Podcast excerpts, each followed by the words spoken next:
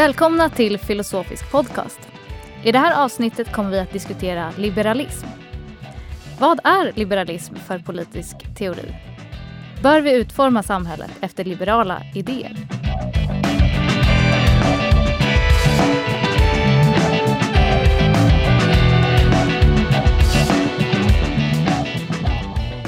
Våra gäster idag är Emil Andersson och Jesper Alin Marcheta. Vi som leder diskussionen idag är jag, Stina Björkholm. Och jag, Olle Risberg. Som startpunkt tänkte vi fråga hur ska man förstå liberalismen egentligen? Vad säger den? Och du Jesper, du kanske skulle vilja börja med att säga något om det? Jag tänker på liberalism som en politisk rörelse och kraft som uppstod ungefär i slutet på 1700-talet i och med de eh, amerikanska och franska frihetsrevolutionerna. Då började olika politiska grupperingar utkristalliseras. Då tänker jag mig konservatism, socialism och liberalism som de tre ideologierna som växte fram. Och eh, liberalismen i den här triangeln eh, från början tänker jag på som en politisk praktik där eh, som samlade människor som hade en respekt för människan i sin grundsyn och som trodde på att eh, eh, makten i samhället måste delas genom maktdelningsprinciper och som trodde på att vissa konflikter i samhället aldrig kommer att kunna utraderas som till exempel konflikten mellan arbetsgivare och arbetstagare religiösa och ateister och så vidare. Så Liberalerna trodde att det är någonting som samhället måste utveckla institutioner för att hantera. Och sen under 1800-talet så, så fortsatte liberalismen att vara en antidemokratisk idé. Liberalerna var då eh, meritokrater. De tyckte att de bäst lämpade skulle styra.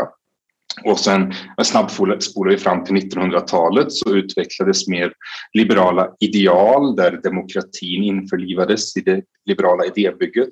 Mänskliga rättigheter fick en stor plats. Eh, liberaler blev individualister, de placerade den enskilde människan i centrum för sitt tänkande. Och idealister, att de föreställer sig höga moraliska principer som samhället ska förstås gentemot. Så det är ungefär så jag tänker på Eh, liberalism. Eh, ja, eh, jag tycker det var en väldigt bra introduktion till liberalismen som alltså politisk rörelse. Ehm, om man ser det som, om jag skulle formulera liberalismen som en form av ideologi eller lära så som den vanligtvis uppfattas idag, då skulle jag väl plocka upp vissa av de där delarna och framhäva dem framför de andra kanske. Och det är väl framförallt att det är en individualistisk lära och i hög grad en tolerant lära. Att eh, liberaler tänker sig vanligtvis att människor har i grund och botten olika typer av uppfattningar om hur de vill leva sina liv. Eh, det uttrycks ofta som att de har olika uppfattningar om det goda livet. Eller sådant. Det uttrycket ofta i litteraturen. Om man tänker sig att människor har olika typer av föreställningar då om vad som är värdefullt att realisera i livet, vad man ska sträva efter. Vissa har religiösa föreställningar, vissa har icke-religiösa föreställningar. Vissa vill ägna sig åt bildning, andra åt sport och vad, vad det än må vara. Alltså.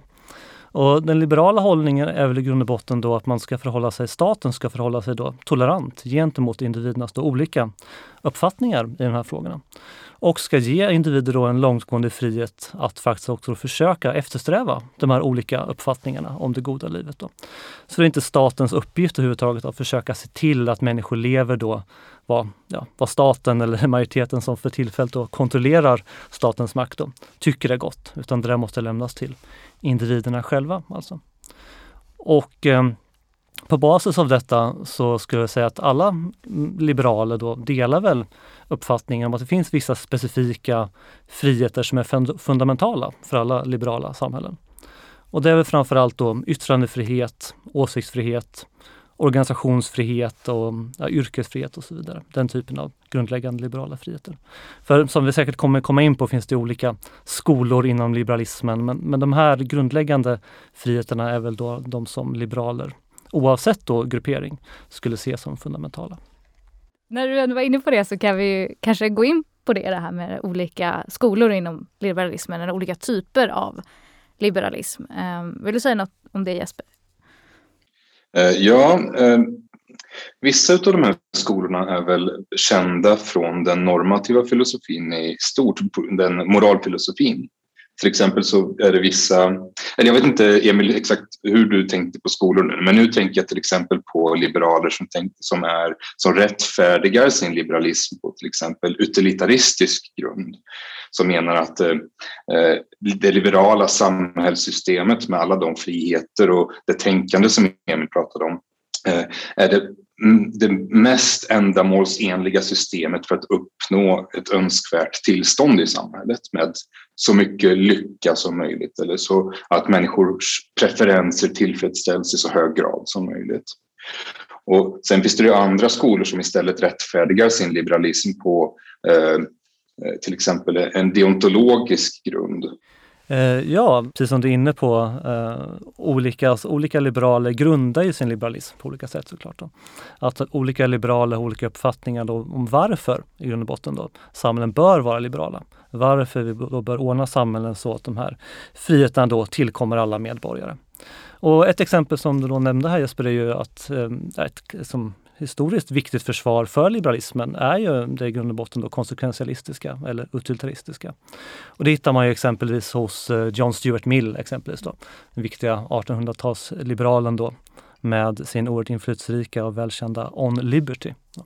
Och eh, i On, On Liberty så argumenterar ju Mill då för en hållning så att säga som som är ungefär som jag beskrev tidigare. Då.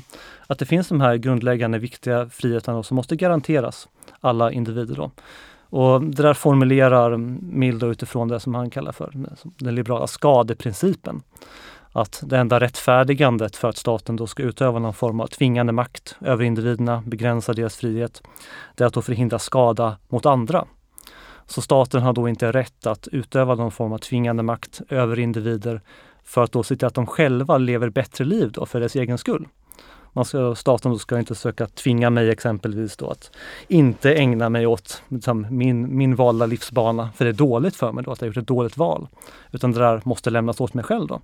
Enda gången som staten då får gå in och begränsa mig är när mina val faktiskt då på något sätt påverkar andra på något då negativt sätt i någon relevant mening. Men Mill då såklart, han är ju utilitarist i grunden då. Så hans försvar för den här skadeprincipen är ju då baserat på olika typer av alltså, en typ av empiriska då premisser som Mill antar här. Då. Att staten skulle då inte vara särskilt framgångsrik helt enkelt då ifall den försökte agera paternalistiskt och försökte på så bred skala och försöka identifiera hur människor borde leva för att leva goda liv. Staten av olika skäl dåligt rustad att göra detta. Men det är i grund och botten då ett utilitaristiskt berättigande för, eh, för en liberal ordning. Men eh, som sagt, då, andra liberaler har ju såklart då varit, eh, många av de nutida liberalerna inom, inom filosofin, de är ofta skeptiska mot det rättfärdigandet då och är snarare ofta anhängare av någon form av deontologisk rättviseteori som i grund och botten är icke-konsekventialistisk. Och mm, det viktigaste exemplet på den då läran är ju John Rawls då, hans liberala rättviseteori som han publicerade, presenterade i A Theory of Justice.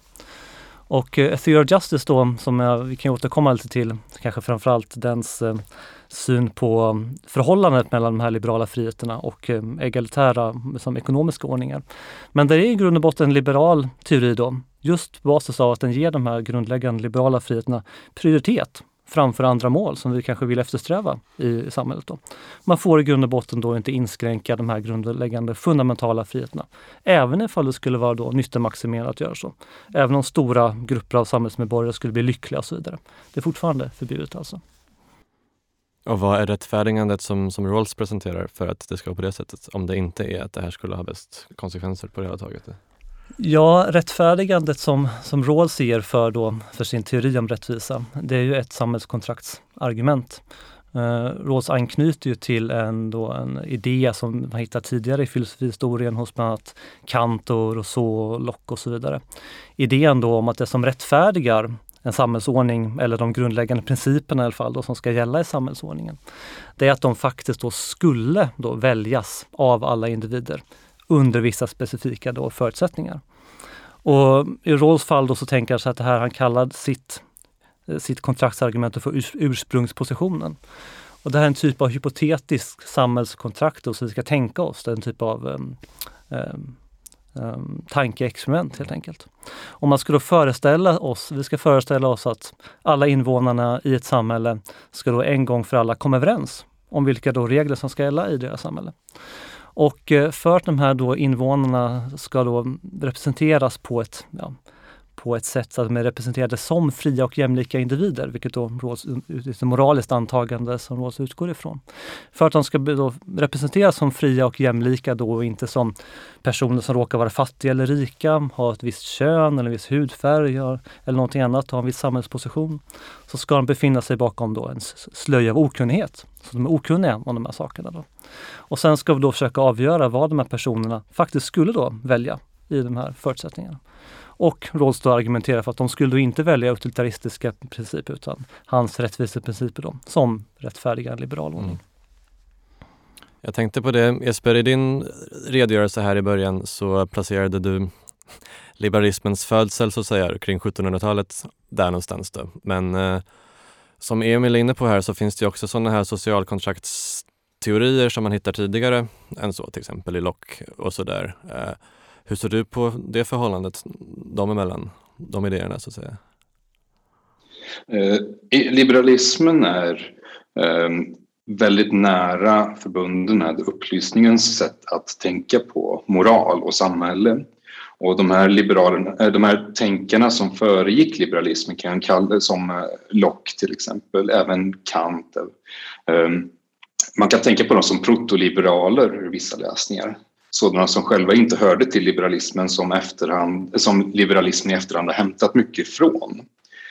Ehm, och eh, upplysningstänkandet var förnuftsorienterat. Man, eh, an, människan i ett antal debatter så började människan försöka att underkasta världen sitt förnuft. Man skulle förklara allt från himlakropparnas rörelser till hur människan fungerade och hur samhället borde organiseras med hänvisning till rationella förnuftsprinciper istället för med hänvisning till exempelvis religioner, tradition eller mystik. Och jag tycker det som, som Emil var inne på med en slöja av okunnighet är ett av de mest tydliga exemplen på vår samtida, i vår samtida liberalism på hur Eh, vi förvaltar arvet efter upplysningen. För bakom okunnighetens slöja i Rawls teori, där vi väljer vilka principer som ska styra samhället, så har vi tagit bort alla faktorer som kan skapa partiskhet. Emil nämnde rikedom och fattigdom, eller hudfärg eller kön etc. Alla sådana faktorer som skiljer människan åt har tagits bort ur ekvationen så att ett rent förnuft trädde fram. Så att i Rawls liberalism blir, eh, åstadkommer vi en, eh, ett, ett rent förnuft som stiftar lagar för sig själv som förnuftet själv vill följa för att det har valt de här lagarna. Och där har vi den här röda tråden hela vägen tillbaka till Kants ehm, eh, pliktetik och, och, och, och Locke också förstås. Så där, man borde tänka på liberalismen just som en förnufts och upplysningsideologi i den bemärkelsen.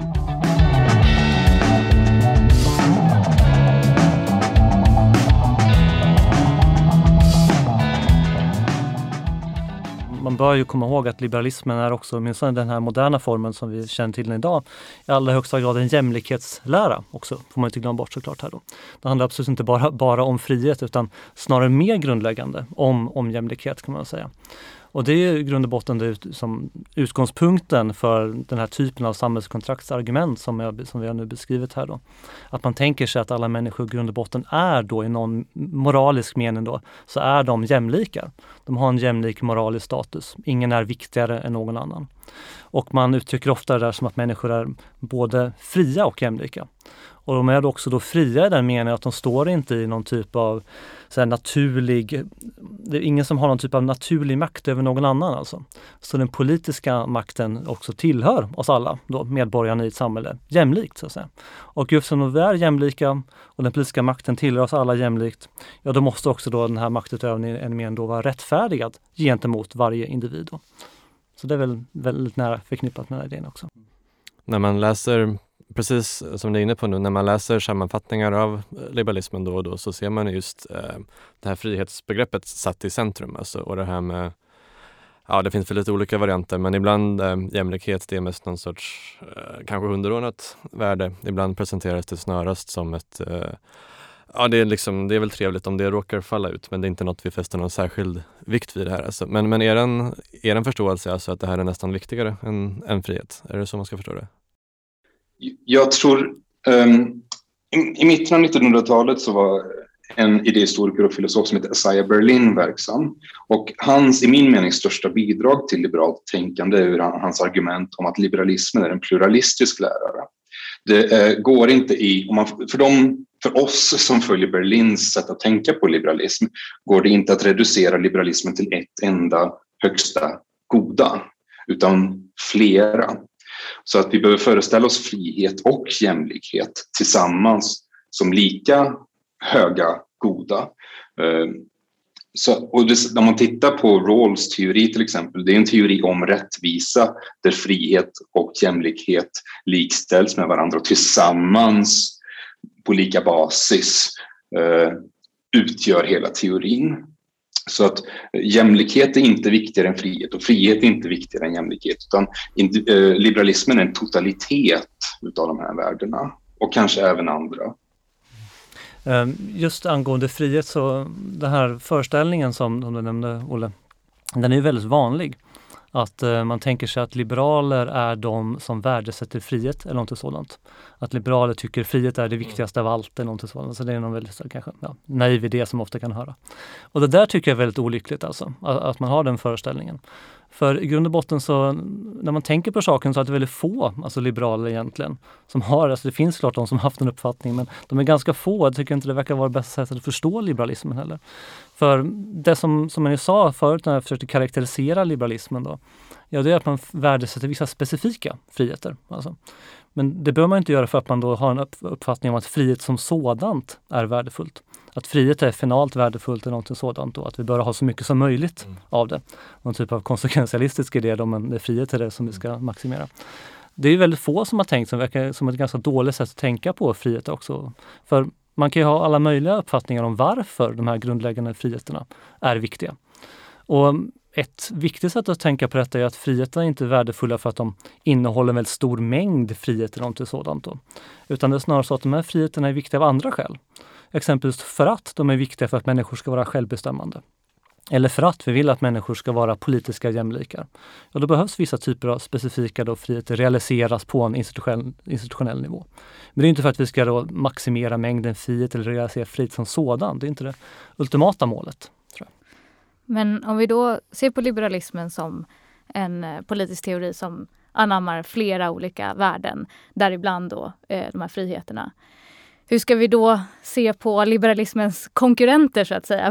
Vad är alternativen? Är det så att då eh, eller andra eh, politiska teorier helt struntar i de här friheterna? Eller anammar de också dem? Och i så fall vad, vad är då skillnaden mellan liberalism och andra politiska ideologier? Som jag sa förut så föreställer jag mig liberalism i en slags triangel med konservatism och socialism som de två andra hörnen. Och när jag tittar på den här triangeln av ideologier, det är ett, ett, ett sätt att, så att säga, sortera den politiska verkligheten och försöka göra den begriplig. Och då föreställer jag mig att de här tre olika hörnen i triangeln har olika fokus, olika attityder. Det betyder inte att konservativa inte tycker om friheter, att socialister inte tycker om frihet etc.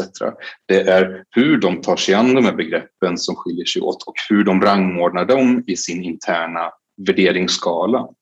Eh, både socialister och liberaler anser till exempel sig själva vara frihetens förkämpar och då tänker jag inte på politiska teoretiker utan jag tänker på eh, verkliga människor som går och röstar eller är medlemmar i partier.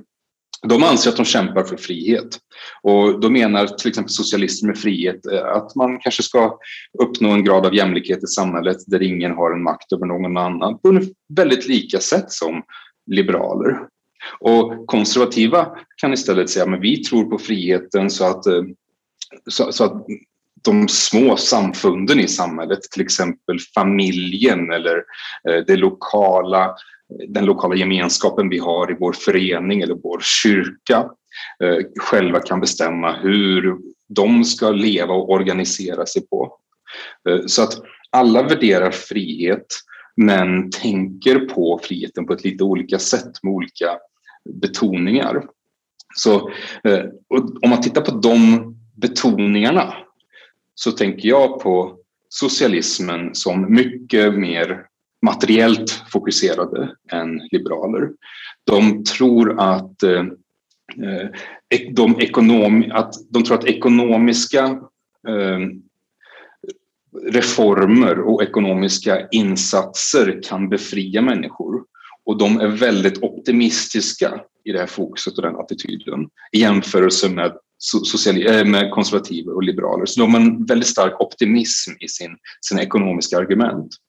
Ehm, konservativa å andra sidan är mycket mer orienterade kring tradition och att eh, knyta samman det nuvarande med det dåvarande. Att förvalta arvet efter tidigare generationer till exempel. Så de, de, deras fokus och attityd kommer från eh, de, en, en tanke om bevarandet av tradition. Liksom. Så det leder till olika utfall när de sen går och lägger sin röst på rådan eller engagerar sig i ett visst parti.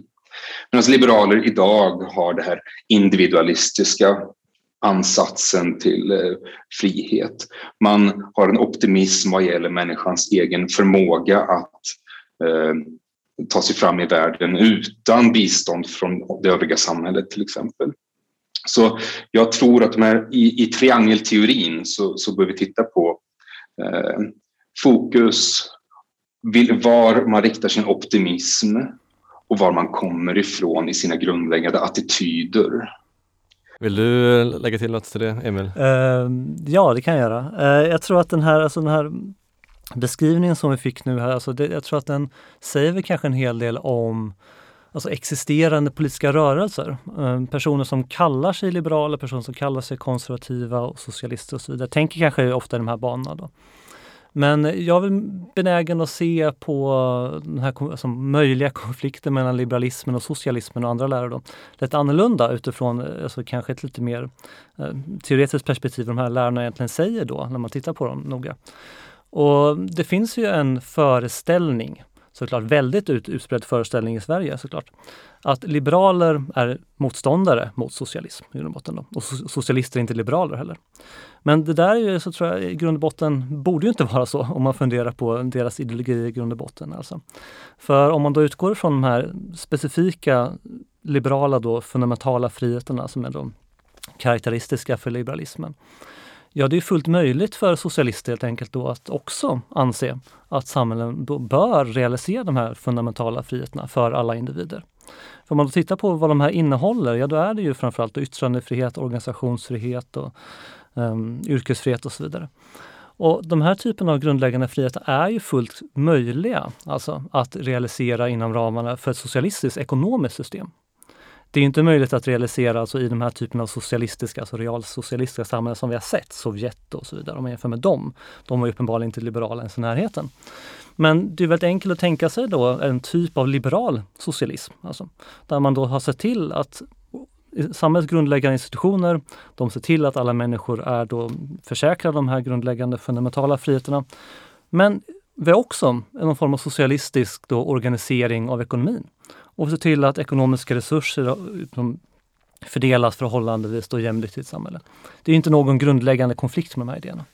Kan du säga något kort om hur du tänker dig att socialismen ska förstås i det här sammanhanget och vad som är utmärkande för den så att säga? Bara för att se hur de är förenliga. Absolut, här tänker jag med socialismen enbart då som en typ av ekonomisk ordning eh, där man har en väldigt hög grad då av eh, gemensamt samhälleligt ägande då, snarare, än, ha, snarare än man har då som ett, en form av kapitalistisk ordning då, där man har en hög grad av ekonomiskt, eh, eller privat ägande av ekonomiska medel, kapital och så vidare. Så det är den stora skillnaden. Mm. Men i grund och botten... Fortsätta, ja. Förlåt, jag fortsätta gräva på den här eh, tanketråden eftersom jag tycker att den är väldigt både intressant och viktig.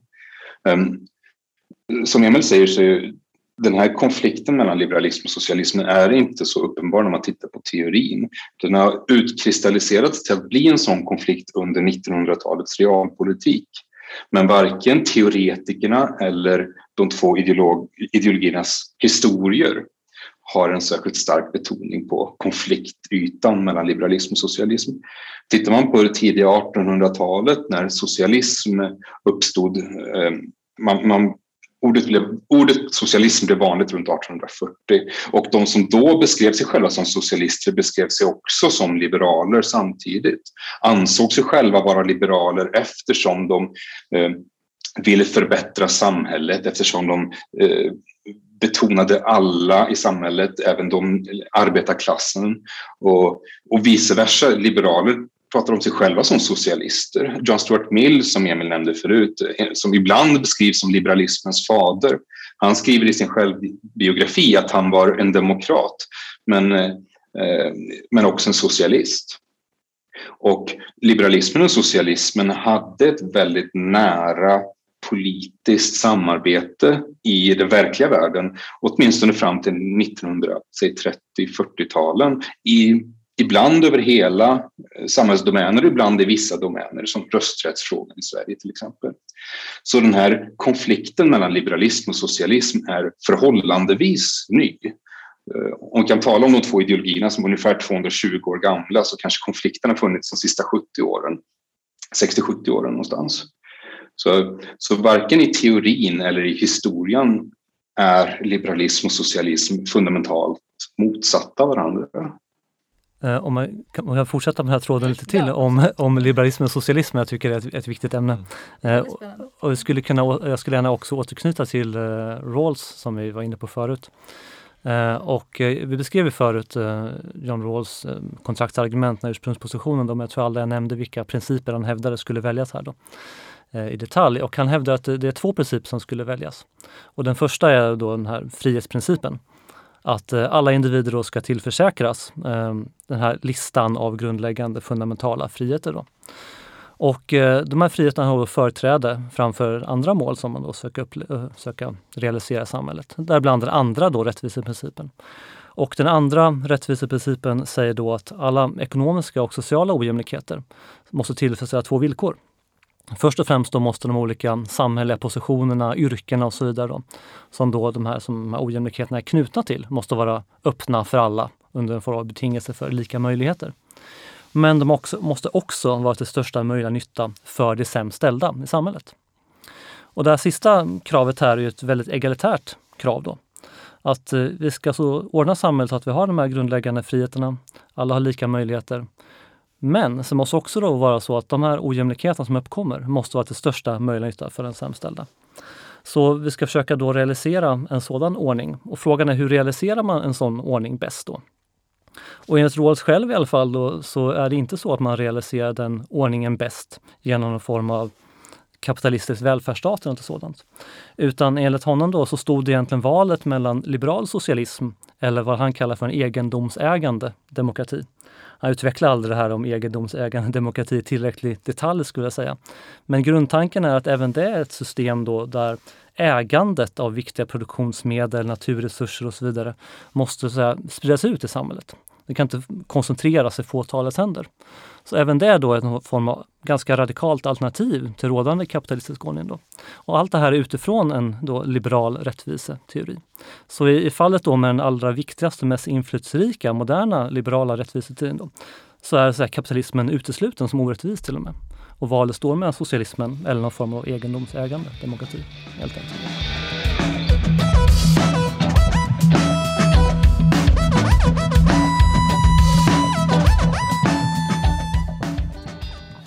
Är det inte ganska radikalt det som sägs nu? Alltså finns det inte en utbredd idé om att liberalismen ska liksom vara ganska långt eh, högerut på något sätt medan era tolkningar eh, går mycket mer åt att det åtminstone är förenligt med och kanske till och med stödjer sådana här eh, typiska vänsteridéer om, om liksom omfördelning och sådana saker? Jag, jag, tror inte att det vi säger nu är på något sätt radikalt eller eh, ogrundat. Snarare är det väl ovanligt. Och det som du säger Olle, att det finns en utbredd idé bland andra att liberalismen och socialismen står i djup konflikt med varandra. Men det är väl de realpolitiska och historiska utvecklingarna under de sista 50, 60, 70 åren som har etablerat den bilden. Men det är ju den bilden som saknar grund i teori och historia.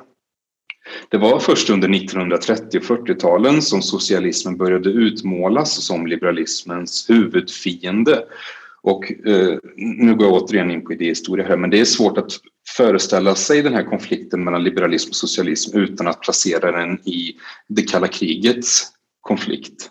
Eh, där vi hade en totalitär samhällsordning eh, på den sovjetiska sidan och en fri ordning på den västerländska sidan. Och en av de grundläggande skillnaderna mellan systemen var ju ekonomisk planering å ena sidan och kapitalism å andra sidan. Så att eh, liberalismen växte av realpolitiska skäl samman med föreställningen om kapitalism. Och vissa ideologer började utveckla en liberal, eh, en liberal, ett liberalt ramverk för politiskt tänkande som, eh, hade, som var nära förbunden med kapitalism och äganderätt och frihandel och så vidare. EU-projektet är väl till exempel svårt att föreställa sig utan en sån typ av liberalism.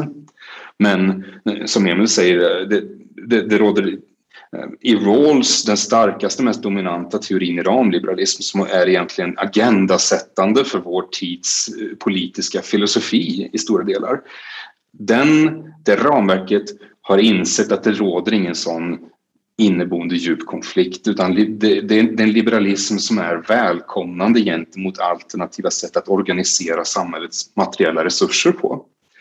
Så att att, att den här idén om en konflikt mellan liberalism och socialism är utbredd betyder inte att den är särskilt stark när man tänker närmare på den eller när man tittar i historien. Så jag tror att det är lika mycket en produkt av politisk propaganda som det är utav sunt teoretiserande. Det är klart att det finns såklart givetvis då olika mm, inriktningar inom, inom liberalismen här då. Och när jag då beskrev just den här formen av liberalism där man betonar att det finns inte den här konflikten. Då. Det är en form av liberalism man kan kalla för kanske en egalitär form av liberalism. Men sen finns det ju en väldigt stark också gren av liberalismen som de kallas ofta då klassiska liberaler. Då. Eh, man kan invända olika invändningar mot den beteckningen eh, ifall de verkligen är så klassiska då, men det är så de kallas ofta. Och eh, den stora skillnaden i grund och botten då mellan de här egalitära och de klassiska liberalerna, det är i grund och botten då synen på ekonomiska friheter. Kan man säga. Att eh, både klassiska och de här egalitära liberalerna delar ju den här uppfattningen om att de här fundamentala liberala friheterna, de är viktiga.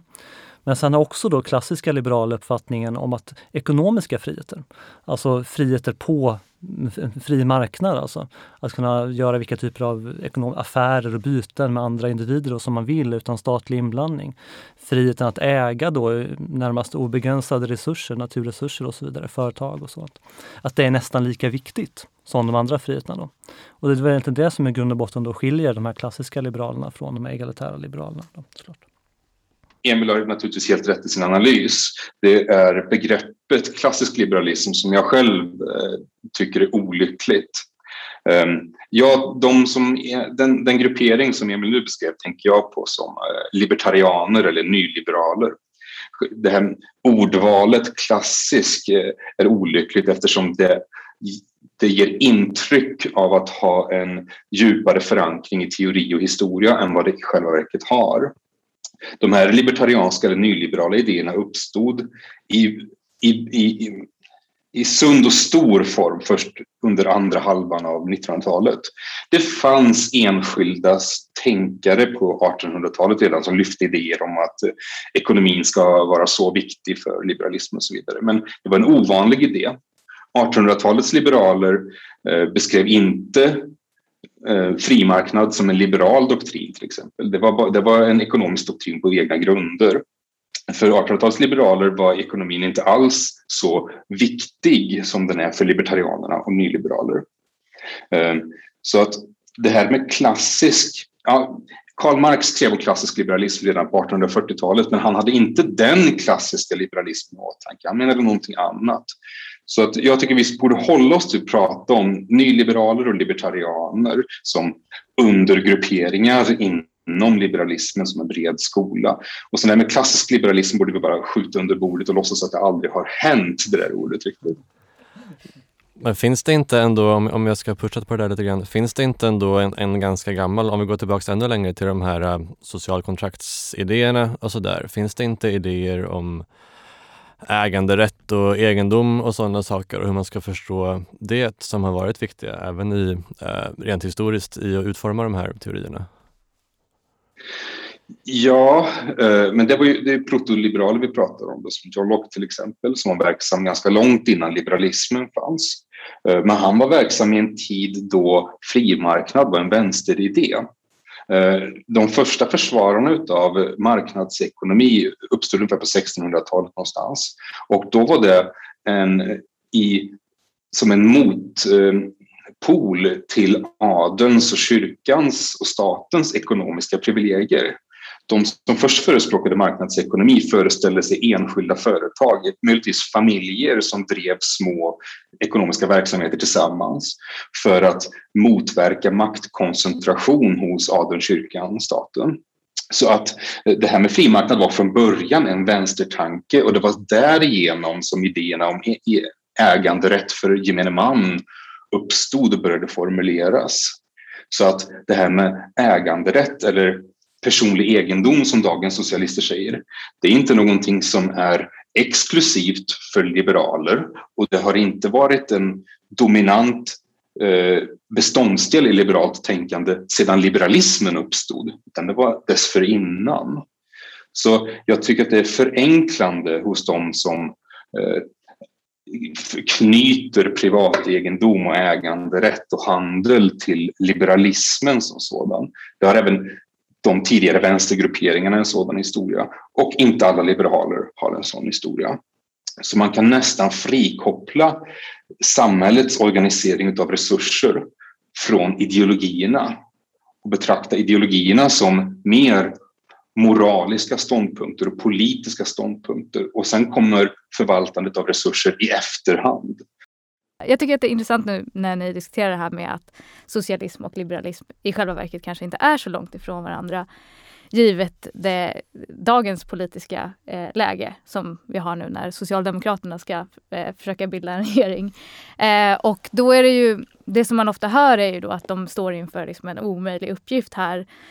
För, just för att de behöver förena eh, Centerpartiet och Vänsterpartiet. Eh, som man då kan tänka sig har grunder i då, eh, liberalism och socialism.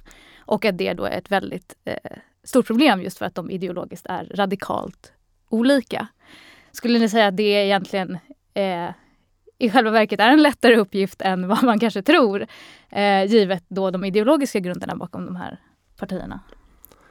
Eh, jag kan säga att eh, det blir en svår uppgift av det skälet att eh, Liberalerna, då så som de verkar förstå sin ideologi, så verkar de då själva förstå den som att de då ligger förhållandevis nära i alla fall, mer åt det här som man då ofta kallar det här klassiska hållet och det nyliberala hållet då, om man vill säga det istället.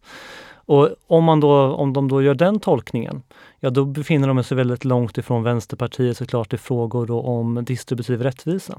Men den stora konflikten här i grund och botten verkar inte röra egentligen då liberalismen som sådan, inte i alla fall liberalismens då kärnvärden, de här fundamentala friheterna. Att där verkar det i grund och botten inte råda någon allvarlig konflikt mellan de här partierna, vad jag kan se. Utan den stora konflikten ligger i frågan om den distributiva rättvisan. Och där är konflikten väldigt djup däremot. Ja, precis.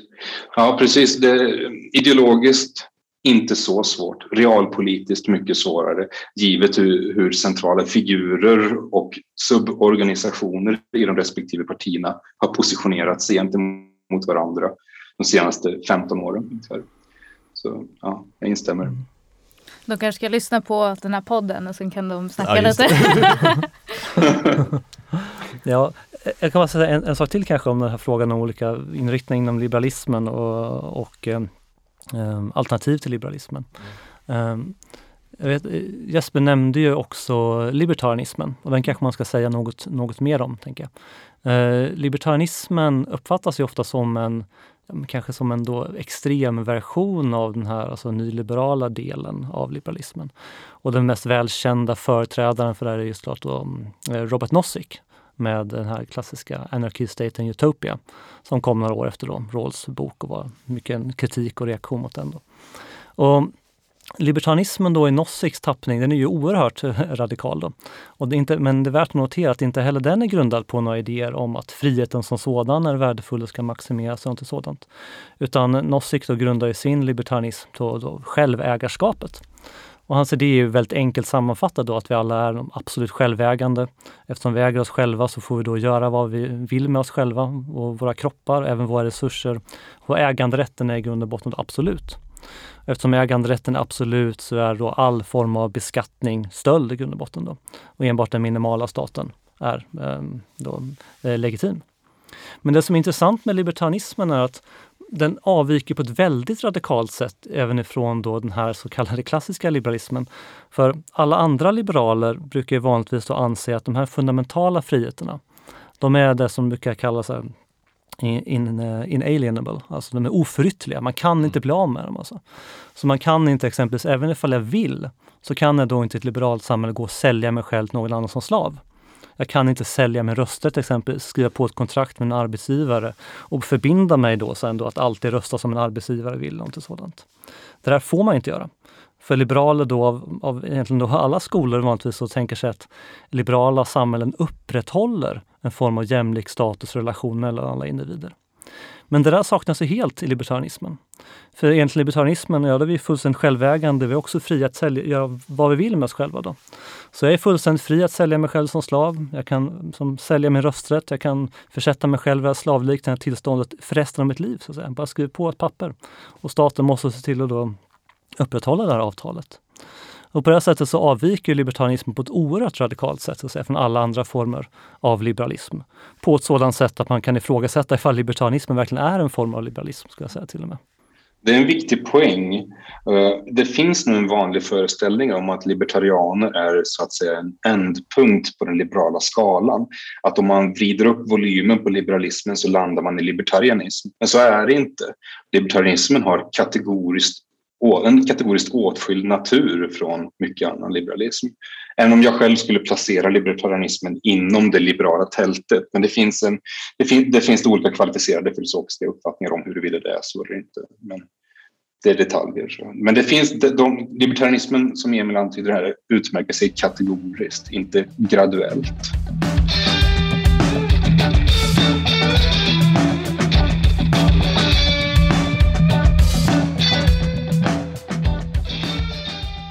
Vi har ju varit inne på begreppet frihet flera gånger här, inte så överraskande kanske. Eh, men jag undrar, skulle vi kunna gå in lite närmre på vilket typ av frihetsbegrepp det egentligen handlar om och vad, vad frihet är för något enligt eh, liberaler? Liberalismen har en spännande relation till frihet. Om man tittar på frihetsbegreppet som sådant så kallade jag tidigare frihetsrevolutionen i slutet av 1700-talet som just frihetsrevolutioner. Eh, då pratar vi amerikanska och franska revolutionen. Den frihet som revolutionärerna hänvisade till eh, har sina rötter i grekiskt och romerskt antikt, antikt tänkande. Då grekerna och romarna föreställde sig hela folk som var självstyrande i kontrast till till exempel perserna som styrdes av enväldiga härskare. Så för det antika tänkandet om frihet handlade om att inte ha en mästare att inte vara underställd en godtycklig maktordning, att bära en viss social och politisk status i samhället.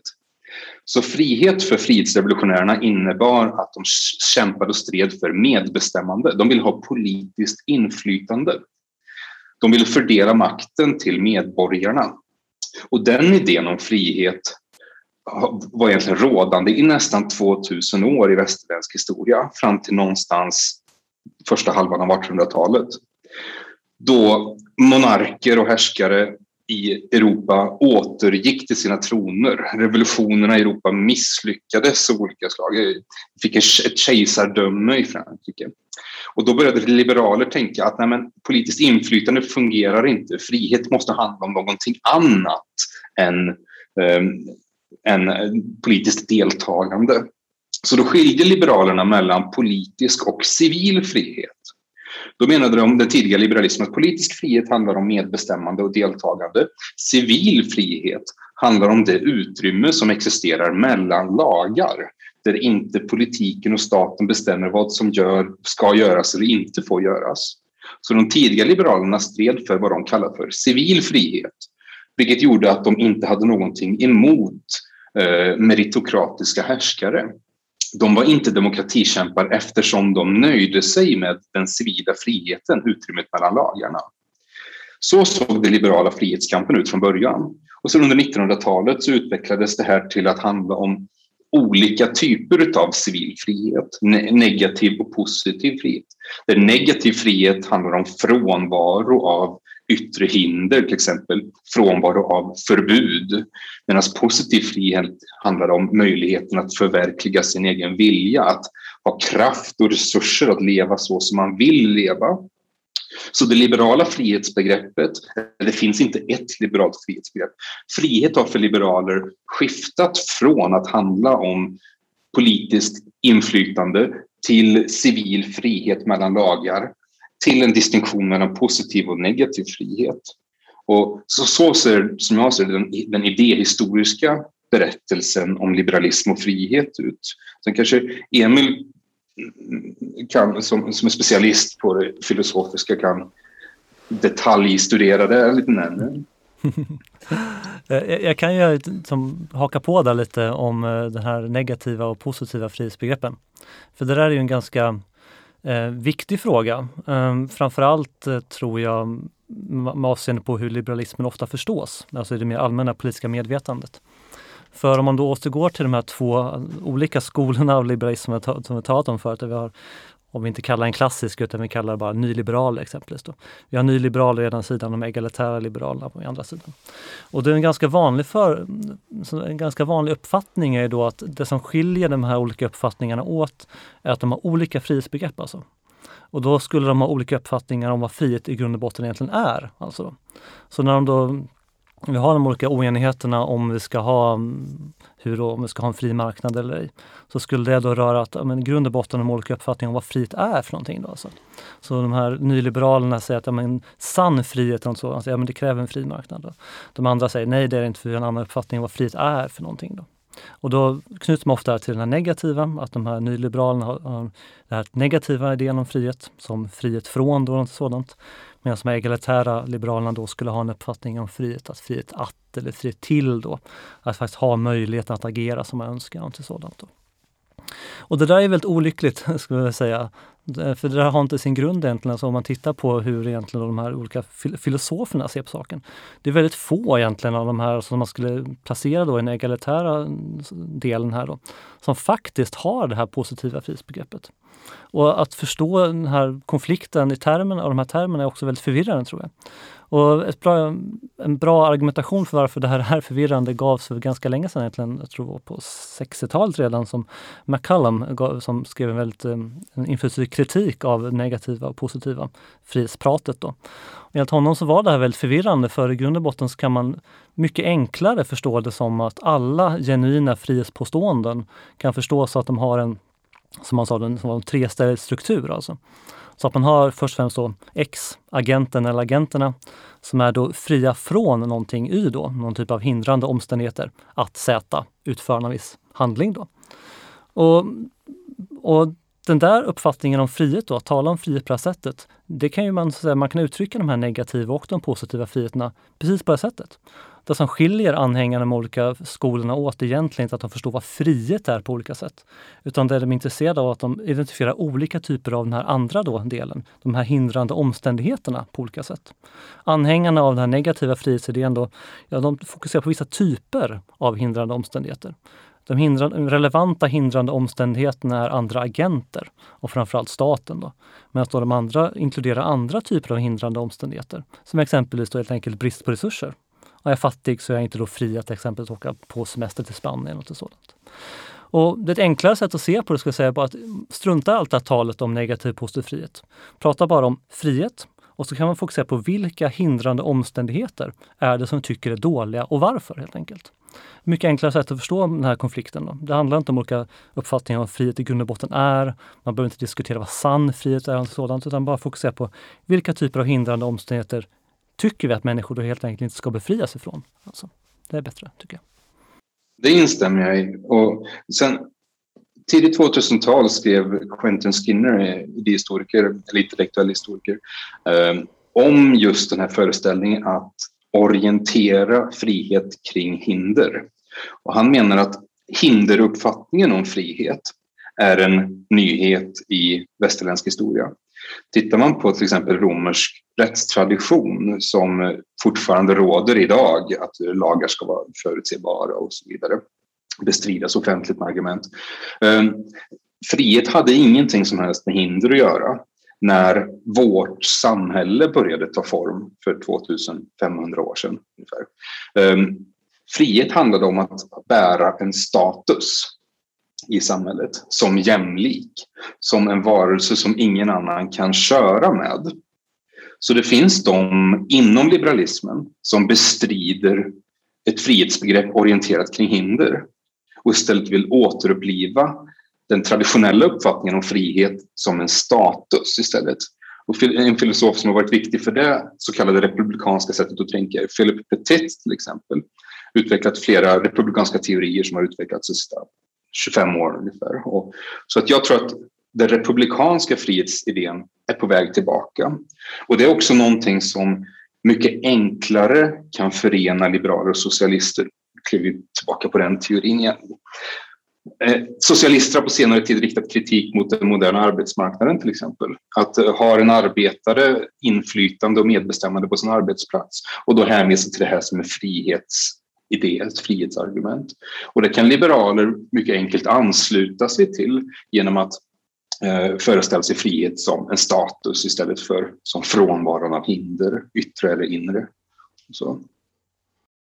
Så vi har pratat om att det här frihetsbegreppet är viktigt och vi har sagt att liberalismen det är en sorts individualistisk syn. Alltså ska man tolka det här som att det finns några tyngre liksom metafysiska idéer här om vad en individ är och att vi har någon sorts fri vilja i någon djupare mening och sådär? Eller är det mer någon sorts, är det något mer lättviktigt som det handlar om här helt enkelt? Ehm, den där, eh, det där är ju en föreställning att det skulle vara något här då, alltså djupare, inte så lättviktigt. Det har ju varit en ständigt återkommande kritik mot liberalismen. Eh, och det var ju en ganska stor diskussion ett tag som nu, som nu har dött ut kan man ändå säga. Det fanns ju länge då en väldigt pågående diskussion mellan kommunitarister och, och liberaler. Och det var ju framförallt kommentarister som hävdade att de hittade då hos liberala en uppfattning, en typ metafysiskt laddad uppfattning om personer och sådant. Ofta var det ju Rawls teori som var mm, då, så här, måltavlan för den här kritiken. Då. Och det som man ofta siktade in sig på var ju det här ursprungspositionsargumentet. Och de här då parterna som befinner sig bakom slöjan och okunnighet och ska göra det här valet. Och många kommentarister riktar in sig mot det här då och hävdar att den här idén då, de här rationella individerna som, helt, som befinner sig bakom slöjan och okunnighet och som inte har någon kunskap om någonting annat då, var de befinner sig i samhället. Och, ja, allt som skiljer dem från varandra helt enkelt. Att det där på något sätt då avslöjar någon form av då metafysisk uppfattning om vad vi individer är för någonting då som den sen då invände mot. Helt enkelt. Så det var en ganska vanlig kritik. Men det där är väl ganska få som tror idag, tror jag. Alltså att de flesta har väl förstått nu, tror jag, att de här idéerna som förekommer här då, att det ska inte representera någon form av metafysisk idé om vi, vad vi individer är här då, ursprungspositionen. Utan det som det ska representera vissa moraliskt relevanta egenskaper som vi har. Alltså. Det är idén att vi ska representera som en typ av då, jämlika individer då, som är fria från vissa typer av omständigheter. Då. Men tanken är att det ska kunna vara förenligt med olika typer av uppfattningar om, om vad en person är och så vidare.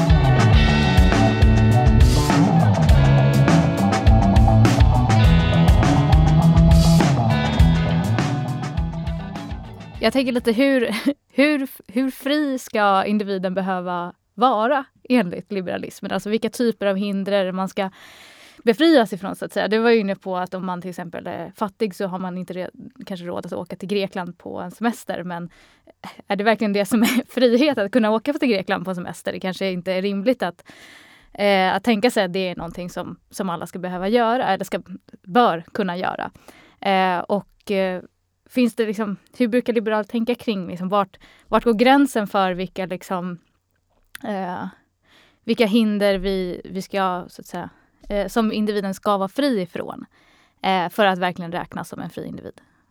Ja, eh, där är det väldigt såklart då, återigen eh, olika uppfattningar inom olika liberala skolor då såklart. Att eh, de här, eh, som, de här nyliberalerna då, som ofta då som man karaktäriserar som att de har den negativa frihetsuppfattningen, vilket de egentligen kanske inte behöver ha. Men de har i alla fall uppfattningen då att den frihet som räknas i grund och botten då, det är alltså att vara befriad från hinder skapade av andra agenter något mer. Då. Och de fokuserar framförallt för allra mesta på staten då, men andra, även andra då, individer. Så fri, individer ska i som hög utsträckning helt enkelt då vara fria från tvingande statlig maktutövning i form av lagar, bestämmelser och så vidare. Men den typen av liberaler är ju då beredda att acceptera att det finns så här, kanske väldigt stora hinder för människor då i andra former, som exempelvis fattigdom. exempelvis. Då. Att man kan ju då vara i allra högsta grad förhindrad att försöka realisera det man värdesätter i livet, helt enkelt för att man då är fattig. helt enkelt då. Och i den här väldigt nyliberala eh, samhällskonstruktionen då, så finns det inte några garantier för att man ens har något skäligt socialt minimum. Då. Så kommer man i allra högsta grad vara hindrad då, att göra vad man vill eh, utifrån den typen av faktorer. Med andra då liberala, mer egalitära, ja de har ju en uppfattning såklart om att då kombinerar man ju de här skyddet för de här friheterna med en form av då egalitär uppfattning om distributiv rättvisa. Och ifall vi då har exempelvis eh, om vi tar idén då, differensprincipen, då, råds uppfattning. Då ska man se till då att alla mm, ekonomiska ojämlikheter ska ha största möjliga nytta för de sämst ställda. Då kommer antagligen de sämst ställda ha det förhållandevis gott ställt då, ekonomiskt. Och då kommer de helt enkelt inte ställa sig inför så, så långtgående ekonomiska hinder i alla fall, och som skulle göra den här nyliberala versionen av liberalismen istället. Då såklart. Men det är klart att inte heller den typen av liberaler förespråkar att man då ska se till att ha en särskild rätt, kanske exempelvis då, åka på semester till Spanien och sådant. Utan då har man väl till viss del också då, enligt den typen av liberaler ett ansvar att göra, då, göra egna val med sina resurser såklart också. Givetvis. Jag tror att du sa det ganska bra förut också, Emil, att um, de här grundläggande friheterna som inte kan avsäga oss, som yttrandefrihet, kanske till demonstrationsfrihet, religionsfrihet, olika former av toleransfriheter som, som möjliggör ett pluralistiskt samhälle. De friheterna är väl någon slags miniminivå som alla liberaler ansluter sig till. Och gör man inte det så är man inte liberal. Men utöver det här, de grundläggande, så finns det så många olika skilda ansatser till liberalt tänkande och liberal praktik att det är svårt att besvara frågan utan att själv förbinda sig till en teori om vad liberalismen är. Eh, många liberaler har inte någon föreställning om vad som är det perfekta liberala samhället utan är liberaler ändå för att de ser problem här ute i den verkliga världen som de vill åtgärda. Eh, vissa blir till exempel liberaler för att de kanske vill kunna röka hash här i Sverige. Det betyder inte att de har en föreställning om det perfekta samhället där alla får röka hash. De, de, de bara ser en viss frihet som de anser, vara, anser sig vara berättigade till och engagera sig i samhället, i politiken för att föra samhället i riktning mot en mer friare position i deras uppfattning. Då. Så man kan skilja mellan idealister och realister i i, i, inom liberalismen, där, där realisterna helt enkelt saknar en uppfattning om ett ideologiskt slutmål. Det är inte med hänvisning till något slags slutmål som de orienterar sin politiska världsuppfattning. Eh, kan, jag, kanske kan fråga dig Jesper en sak om det här, för jag tror att det här är en fråga som vi har olika uppfattningar i. Eh, jag känner inte riktigt igen alltså den, här, den här skillnaden mellan realism och idealism som du är inne på nu. Alltså, den låter lite annorlunda än den som jag känner till från filosofin. Alltså för, för nu låter det som att jag menar, du skulle kategorisera säg politiska partier som har åsiktsprogram. De, har, de formulerar en typ av principer, en typ av mål som de vill försöka realisera. Liberalerna gör givetvis typ det, Centerpartiet och så vidare. Alltså skulle de vara idealister i den här meningen då för att de har någon typ av långtgående mål som de strävar efter? Nej, det var en alldeles för förenklad sammanfattning av de här två lägerbildningarna i debatten om idealism och realism. Eh, I politiska filosofin så pratar man väl om idealism och realism som just två olika sätt att föreställa sig vad den politiska filosofins uppgift är och hur filosofin ska gå tillväga för att lösa den här uppgiften. Och då finns det en mångfald olika föreställningar. Idealism är relativt klart. Det är då att ha någon slags mer eller mindre eh, föreställning om ett perfekt bra slutmål. Men realism i sin tur kan delas upp i många olika läger. Ett sätt att förstå realism är som pragmatism. Då, är ju inte, då står det inte längre i motsatt till idealismen, för någon kan vara idealist men vara pragmatisk i sitt sätt att ta sig till idealet. Ett annat sätt att förstå realism är som faktakänslighet. Att ett idealt samhälle kan inte vara sant. En idealteori kan inte nå sanningsstatus om den inte är genomförbar. Alltså någonting som vi kan hitta redan i Kant och eh, man kan inte åläggas en plikt som man inte kan genomföra etc. Och sen kan vi prata om realism som Rawls gjorde, fast han använde ordet icke-ideal istället. Att realism är strategin för att nå målet. Och sen finns det någon som säger att realism Ja, det, det fortsätter så. så det, det jag sa, en grov förenkling mm. mm. av det ursprungligen sa. Okej, okay, jag, jag förstår. Um, jag tycker att det, det, finns ju den här, det är en ganska stor diskussion nu. Det har ju pågått under en ganska en längre tid. Och det är ofta då, det är kritik, mycket kritik som har riktats mot det som kallas idealteori. Och eh, idealteorin då så, som den förekommer hos, hos Rawls det är att han gör ett antal förenklingar kan man säga för att försöka då komma fram till hur skulle det perfekt rättvisa samhället se ut? Och tänk, då kan vi bortse från saker då som råder just nu. Alltså vi befinner oss i vissa kanske ogynnsamma omständigheter som gör att vi kommer Människor kommer inte vara fullständigt exempelvis motiverade kanske att följa rättvisan då, vilket de borde göra.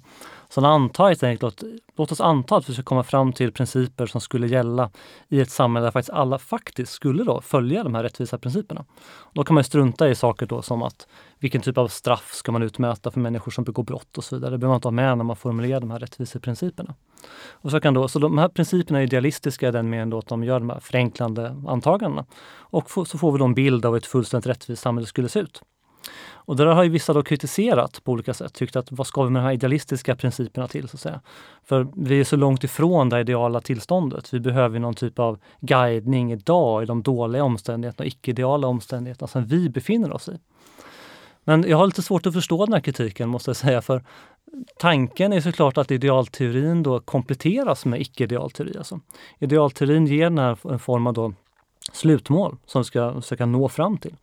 Och när vi då funderar på då vad vi ska göra i våra icke-ideala omständigheter, ja då har vi då, kan vi försöka resonera om det, kring, kring det på ett systematiskt sätt. Med det här slutmålet för ögonen då. Så att säga. Försöka ta de olika steg som vi kan för att komma närmare det här slutmålet, det fullständigt rättvisa samhället. Jag tycker ofta att den här kritiken mot idealteorin är svår att förstå med tanke på att alla rimliga uppfattningar om idealteori är att man kombinerar idealteorin med den icke-ideala teorin. Alltså. Ja, det finns ju det finns en intressant kritik av idealism som jag tycker att filosofer borde ta på allvar och det är den antifilosofiska kritiken. Ehm, det vill säga att politiska filosofer ehm, kostar en massa med pengar för skattebetalarna och så vidare för att sitta på sina rum och, och lösa tankenötter ungefär. Och de kommer fram till allt finare och finare teorier som når sanningsstatus i bemärkelsen att de är sammanhängande och koherenta och in, intuitivt riktiga etc. Okej, okay. men vad motiverar att filosofer ska ägna sig åt den här verksamheten, att konstruera sammanhängande idéer? Det är roligt, det är, det är ett skäl. Jag tycker själv, jag doktorerade i filosofi, tyckte det var jättekul. Så det, är, det är också ett skäl att det är kul. Och det kan vara vägledande ibland, som idealister själva säger. Men när vi formulerar de här idealen så får vi någonting att sträva efter. Vi får någonting som samlar människor under sig, etc. etc. Men är det tillräckliga skäl för att motivera idealism som praktik för filosofer? Borde inte filosofer istället ägna de här skattemedlen, sina otroligt djupa utbildningar och skarpa hjärnor till att göra någonting annat? Vad motiverar politisk filosofi? Är med? Jag, jag, skulle väl vända mig lite mot det här istället här, alltså att politiska filosofer ska göra någonting annat istället. Jag är väl benägen att tänka mig att politiska filosofer ska betraktas som andra filosofer. Alltså. Eh, jag tycker inte man ska kräva exempelvis medvetande filosofer eller eller filosofer som exempelvis håller på med metaetik då. Att, eh, som exempelvis... har, har, har, jag. har, du också, jag också, jag glömde bort det, ursäkta. Jag gör massa. Um, Vi gör ju det här. jag tycker inte man ska kräva av era teorier då att de ska vara till nytta för någon i den meningen. Då. Utan jag tycker att ert uppdrag som filosofer är att försöka komma fram till alltså, hur det ligger till i de här frågorna. Helt enkelt. Och jag ser väl som politiska filosofers främsta uppgift att komma fram till hur ligger det till helt enkelt då i frågor om rättvisa. Vad är rättvisa i grund och botten? Och det utesluter såklart inte, jag håller ju med om att filosofer bör göra mer. Alltså det, det, så mycket kan jag hålla med om. Det är jättebra om filosofer också tar sig utanför elfenbenstornet såklart och säger någonting om hur, alltså vad de här tiderna implicerar och delar med sig av det här till allmänheten och så vidare. Det är ju ett viktigt uppdrag. Men jag tycker inte man kan kritisera teorierna då som utvecklas på basis av att de inte är tillräckligt användbara. Så För det påverkar ju inte gärna deras, om vi har skäl att tro att de är sanna eller inte. Eller för en del. Mm. Men är det, om jag får bryta in här, är det en förutsättning i, i ditt sätt att tänka på det här Emil, att, att det faktiskt finns korrekta svar på de här frågorna, hur det ligger till, alltså vilken som är den korrekta teorin om rättvisa eller frihet eller hur ett samhälle bör vara organiserat till exempel. Och inte det ett ganska kontroversiellt antagande i så fall? Mm. Eh, absolut, nu kommer vi in på de här knepiga frågorna här då, där eh, metaetiska frågorna. Jag skulle säga att ja, eh, korta svaret. Att för min del så är, är jag absolut eh, fundamentalt alltså motiverad av att jag tror att det finns någon form av korrekt svar på det här. Eh, annars skulle jag tycka att det här var betydligt mindre eh, relevant och betydligt mindre int intressant också. Men sen eh, såklart vad, alltså exempelvis då vad det vad den här sanningen skulle bestå i då, ifall en rättvis teori kan vara sann. Alltså vad dess ontologiska status är och så vidare. Alltså, det är en betydligt svårare fråga såklart som jag inte är... Jag, jag är benägen då alltså, att, säga, att hålla med om någon form av eh, realism här då.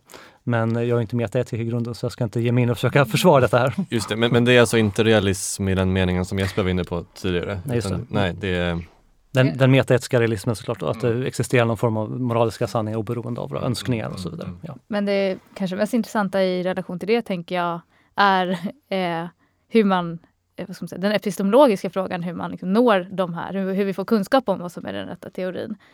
Eh, vad skulle du säga är den bästa metoden? För det är det det som vi håller på med eh, när vi håller på med filosofisk forskning. Ja, alltså ja, även där så skulle jag, jag ansluter mig i stor del så att till en väldigt alltså standardmetod kan man säga, den som är den dominerande uppfattningen. Den här idén om någon form av koherentism då, det som ofta kallas som någon så här teori om reflektivt ekvilibrium och så vidare. Så jag, jag tror att jag har svårt att se att det finns några andra, större, andra alternativ egentligen att ha det som man då ofta kallar för intuition eller övervägda moraliska omdömen då som sin utgångspunkt när man gör filosofi. Och sen då får man försöka använda dem och försöka komma fram till det som tycks vara den rimligaste teorin som är förenlig med största mängd av sina omdömen och så vidare. Så jag, är, jag har inte någon särskilt spännande radikal uppfattning om det här utan det ansluter mig till standarduppfattningen skulle jag säga. Mm. Men, men, samtalet är väldigt intressant och särskilt i sammanhanget med liberalism för jag tror att eh, Eh, koherentismen har lyst med sin frånvaro i gemene mans liberala tänkande de sista 70 åren eller så. Eh, eller alltid, jag vet inte. Men många liberaler föreställer sig att vi ska nå sanningar om ideologi på vad man kan kalla för fundamentistisk väg. De söker efter något absolut moraliskt otvivelaktigt axiom eller någon grundsten. Och många liberaler har hänvisat till det som Emil nämnde förut, självägandeskapet. Påståendet att människan äger sig själv och att ingen annan får intervenera med henne för att då kränker man dennes rättigheter. Många liberaler har föreställt sig det påståendet som ett moraliskt axiom ur vilket resten av liberalismen följer som strålar upp som en strålkastare ur axiomet. Så fundamentismen, som är alltså väldigt high level filosofi, har trängt igenom till liberal debatt. Men däremot har inte koherentismen gjort det, som Emil nämnde, reflektivt ekvilibrium, att utvärdera moraliska påståenden relativt varandra i ett sätt snarare än efter någon absolut eh, otvivelaktig grund. Så koherentismen som då Rawls anslöt sig till, som det ramverk som majoriteten av liberala teoretiker faktiskt verkar inom och tror på, det lyser med sin frånvaro i liberal idédebatt. Där liberaler istället fortsätter borra sig djupare efter de absoluta grundsatserna som ingen av dem lyckas bevisa. För att det har ingen lyckats förut med moraliska påståenden heller. Så att den här idén om koherentism och hur vi går tillväga för att rättfärdiga våra moraliska övertygelser om politik har en praktisk innebörd för hur liberaler bedriver sin politik. Och det är faktiskt spännande. På vilka sätt kan det göra skillnad då om man eh, angriper de här frågorna på koherentistiska snarare än fundamentistiska sätt så att säga för eh, faktisk politik? Jag tror att vi framförallt skulle slippa motioner i partier där någon säger vi håller detta för evigt sant att människan har den eller den rättigheten etc. Vi skulle kunna få ett mycket mer nyanserat samtal där vi till exempel kan utvärdera moral, moraliska påståenden efter olika grader av styrka snarare än efter sanningshalt, det vill säga sant eller falskt. Och när vi har introducerat graduella omdömen till den politiska debatten att det här är ett skäl att göra si eller så.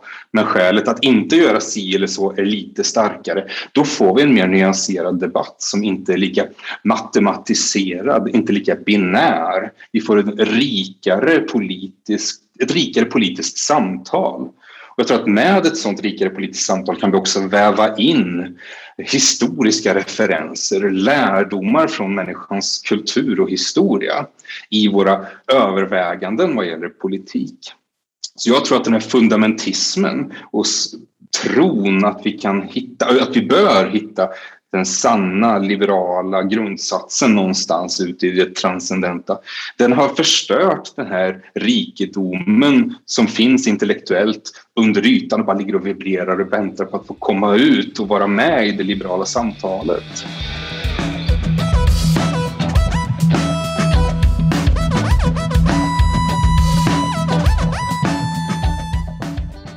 Ja, nu har vi varit inne på ganska förhållandevis abstrakta frågor kring hur liberalismen ska förstås och dess förhållande till eh, eh konkurrerande uppfattningar eller icke-konkurrerande uppfattningar och sådär.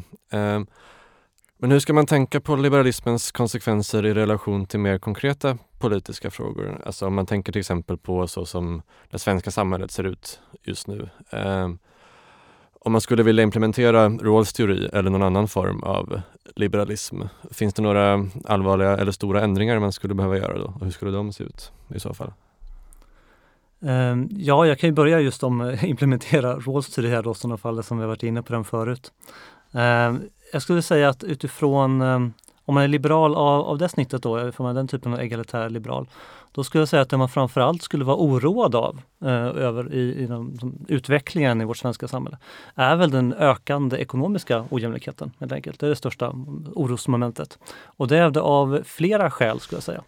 Ett av skälen är att den här ekonomiska ojämlikheten eh, kombineras också med radikalt ojämlika möjligheter skulle jag säga. Att det är inte fallet idag att eh, människor i grund och botten har lika möjligheter helt enkelt då, att nå de olika samhälleliga positionerna, yrkena och så vidare. Vi har inte en eh, fullt likvärdig skola och så vidare. Och den ökade ekonomiska ojämlikheten spär på detta. Att vi får då såklart barn som föds in i betydligt rikare familjer än andra, går i bättre skolor än andra och press, gör, snedvrider sig möjligheterna på ett oerhört radikalt sätt. Men inte heller det. Ett problem är då med lika möjligheter. Det andra problemet så att säga är att de här ökade ekonomiska ojämlikheterna är inte till största möjliga nytta för de sämst ställda i samhället. Utan det är väldigt enkelt att tänka sig en annan ekonomisk ordning som skulle vara till större nytta för de sämst ställda. Man skulle ganska enkelt kunna tänka sig att vi inte ska ha den här stora kapitalackumulationen som alla, den rikaste procenten i samhället. Då. Vi kan göra betydligt mycket mer gott med dem genom att omfördela dem till de sämre ställda. Alltså. Så det är väl de viktigaste skälen skulle jag säga. Men är det då alltså extrema skattehöjningar du tänker dig i praktiken eller hur skulle det här gå till?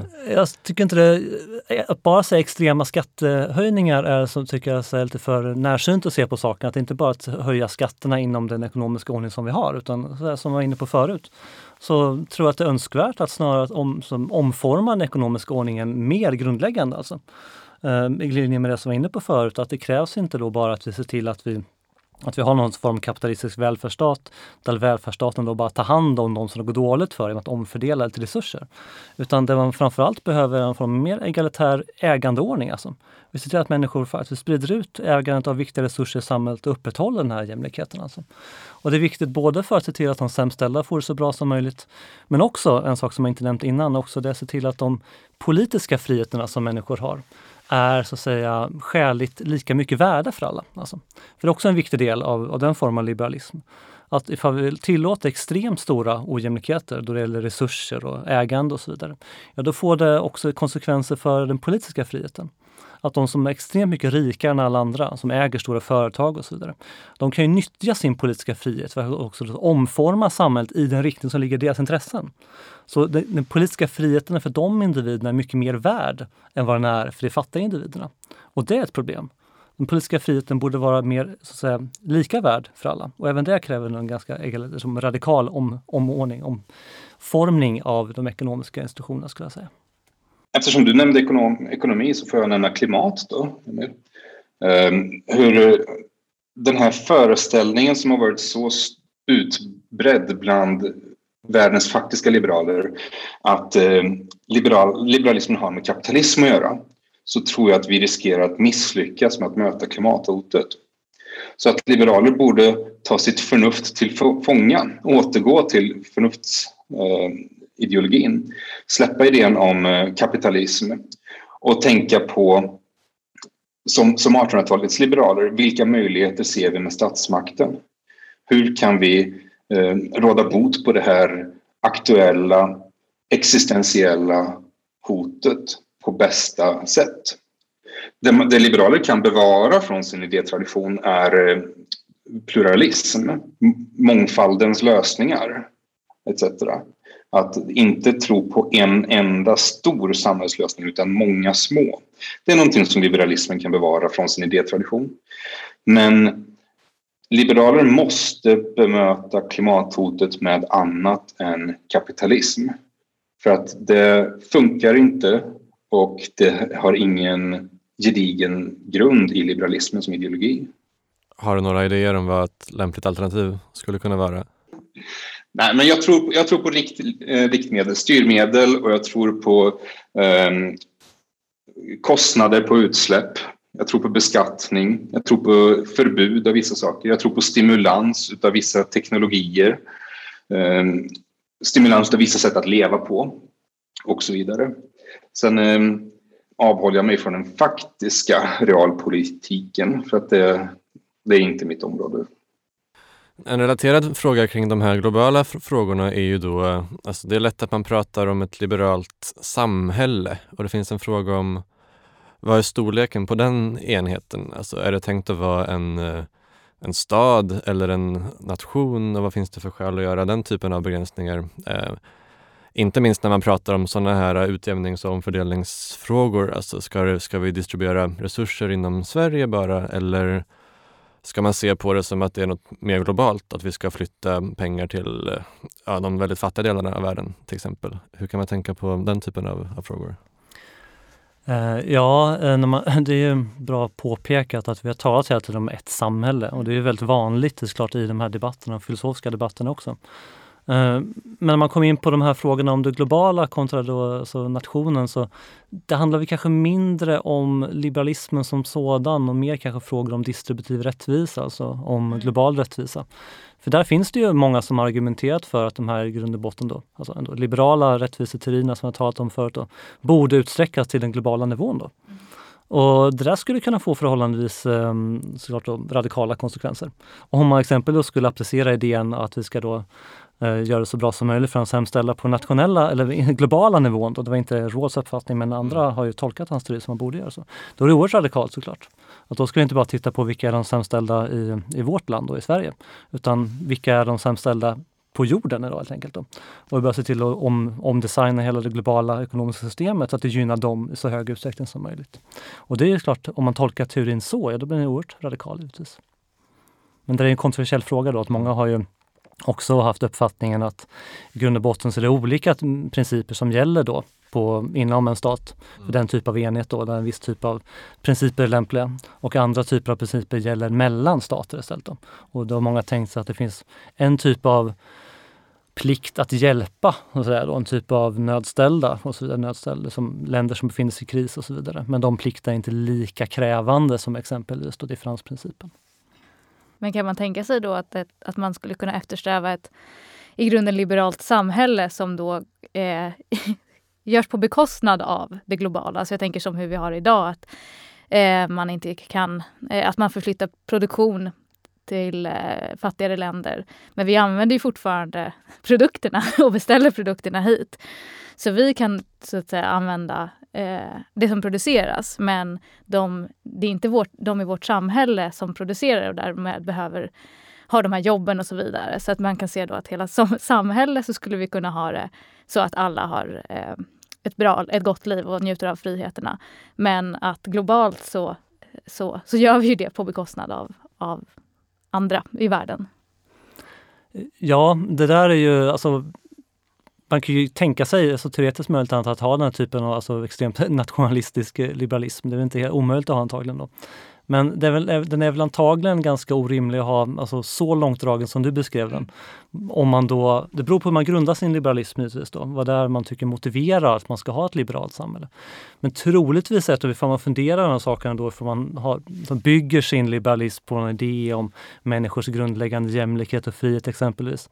Då är det i grund och botten ganska svårt att motivera givetvis att det skulle gälla på ett särskilt sätt inom bara en nation. Alltså. Det behöver rimligtvis vara någon form av grundläggande moral och status och som tillkommer alla personer oberoende var de befinner sig. Så det verkar orimligt att tänka sig att man skulle ha den där extrema formen då av eh, nationalism i sådana fall. Alltså det skulle antagligen hamna i konflikt med ens mer grundläggande utgångspunkter i sådana fall. Jag, det finns, jag tycker att det finns en intressant, spänn, intressant spänning här i frågeställningen för, och i liberalismen. För å, å ena sidan så anser många liberaler att de gör anspråk på universella principer, med alla människors lika värde till exempel. Och ehm, att det då gäller för alla oavsett vilket samhälle de är medborgare i, med deltagare i och så vidare. Så att det finns en universalism i liberalismen. Men man ska också komma ihåg att liberalismen föddes i ett socialt och politiskt sammanhang där nationalstater uppstod. Ehm, så att nationalstaten har blivit den naturliga ideologiska hemvisten och praktiska hemvisten för liberalismen. Ehm, och det, den, det liberala tänkandet, den liberala praktiken har hela tiden tagit sig uttryck genom nationella enheter vad gäller etnicitet, kultur, språk, historia etc. Det är svensk nation som har bedrivit liberal politik och så vidare. Och när man försökte att vidga det här eh, under efterkrigstiden genom ett EU-projekt. EU är ju ett väldigt liberalt projekt. Och vi ser ju hur svårt det kan vara idag att upprätthålla en slags intranationell eh, liberalism med de olika motsättningar som finns. Man har nått stora framgångar, man har också stött på hinder och kanske kommer det inte att hålla i framtiden. Så det finns massor av sådana praktiska och teoretiska spänningar och motsättningar inom liberalismen vad gäller det universella och det lokala. Och här tror jag att många av liberalismens kritiker petar på en öm punkt. Det är flertalet teoretiker, både från konservativt och socialistiskt håll, sen tid som menar att liberalismen saknar en föreställning om gemenskap. Begreppet gemenskap är inte inbäddat i det liberala idébygget, säger kritikerna. Och det har tagits uttryck genom praktiskt att vi saknar de här nära banden till varandra i liberala samhällen som gör att vi upplever en närhet till varandra, att vi upplever att våra näste är någon vi ska ta hand om eller förhålla oss till på ett visst sätt. Så kritikerna säger att eftersom liberalismen saknar ett gemenskapsbegrepp så står liberalismen inför en kris idag som manifesteras genom populismen, klimathotet och så vidare. Så kanske är det så att liberaler behöver låta sin teori evolvera och inkorporera en föreställning om gemenskap för att kunna möta det här hotet och de här eh, svaga punkterna som pekas på. Jag tror att liberalismens kritiker har en poäng i detta, men jag är inte säker. Jag, jag, däremot så tror jag att liberaler måste påbörja det samtalet hur kan vi föreställa oss gemenskap eh, på samma höga, eh, samma djupa grunder som andra eh, eh, teorier kan. Konservativa har sin gemenskapsideal om familjen och det lokala samfundet. Socialister har sin gemenskapsidé i den ekonomiska jämlikheten. Vad ska liberalismen svara? Vad är, vad är deras svar på den utmaningen? Den här idén om gemenskap, det är ju precis som så helt korrekt påpekat att det är ofta förekommande kritik mot eh, liberalismen. Och jag antar att det som, det som många liberaler kanske skulle vara benägna att säga här, att det, det är fråga om vilken form av gemenskap är som är möjlig i ett liberalt samhälle. Och det finns ju en form av gemenskap som är i grund och botten då utesluten. Och det är en form av gemenskap som är grundad i en specifik eller då en familj av, kan man tänka sig, alltså uppfattningar om vad det goda livet är för någonting. Då. För då är vi tillbaka vid det som vi talade om i början här. Då. Att eh, en grundläggande liberala tanke är att människor har olika sådana uppfattningar om vad det goda livet egentligen är för någonting, vilka mål som är värda att eftersträva då. Och det liberala svaret är att ja, människor bör vara fria att eftersträva olika val. Då. Och tänker man sig vanligtvis att staten ska upp, uppfylla någon typ av ideal om neutralitet i de här frågorna. Då. Staten ska inte ha en officiell uppfattning om vad det goda livet är, som exempelvis fallet med statsreligion. Då. Utan det där ska staten avhålla sig från. Och vad finns det då kvar för en, för en liberal stat att, då, då att försöka bygga någon form av gemenskap kring? Och det finns väl ändå en hel del kvar då. Alltså man utesluter bara alla de uppfattningar om vad det goda livet är för någonting. Och man kan ju fortfarande då formulera en typ av politiska, alltså liberala moraliska ideal alltså, som man kan försöka bygga någon form av gemenskap kring. Man har de här grundläggande idéerna om människors grundläggande jämlikhet och frihet exempelvis och mer specifika idéer om rättvisa såklart. Vilka kan fungera antar jag, som, som en typ av grund för en form av samhällelig gemenskap. Alltså. Och jag skulle säga att den formen av samhällelig gemenskap framstår som mer mer eftersträvansvärd än de här andra alltså formerna av gemenskap så, som bygger på en specifik uppfattning om, om det goda livet.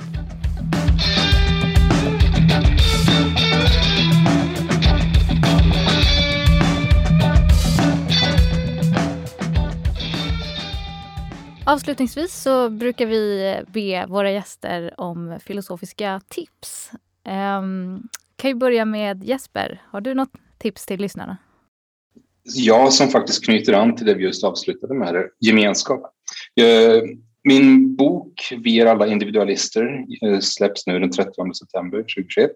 Ehm, och i den så försöker jag initiera samtalet om liberalism och gemenskap. Så att eh, den tipsar jag om. Emil? Ja, jag har ett tips eh, som rör det som jag har eh, ja, tjatat om här. Förhållandet mellan liberalismen och, och, socialismen. Och då vill jag tipsa om en väldigt bra bok på det temat av William A. Edmondson som heter John Rawls Reticent Socialist. I vilket han då, det här är en ganska djuplodande då undersökning kring egentligen då vilken typ av samhällssystem som Rawls själv borde då ha kommit fram till att hans teori då eh, implicerar. Och Edmondson går ju längre än de flesta andra här då och säger att det räcker inte med en sån här egendomsägande demokrati då, som jag berörde förut, utan det borde faktiskt då, om man är anhängare av typen av liberal rättviseteori, då borde man också då vara anhängare av en form av liberal socialism. Och det här är en oerhört intressant eh, historia ska jag säga, som jag rekommenderar alla som är intresserade av det här ämnet att läsa. Tackar. Så, stort tack till er, Emil och Jesper, för att ni kom hit. Tack så jättemycket, det var jätteroligt. Ja, tack så mycket. Väldigt kul. Filosofisk podcast görs av Filosofisk tidskrift i samarbete med bokförlaget Thales. Tidskriften finns på Facebook ehm, och där får ni gärna gilla oss för att få uppdateringar om podden. Nästa avsnitt kommer i november. Hej då så länge. Hej då.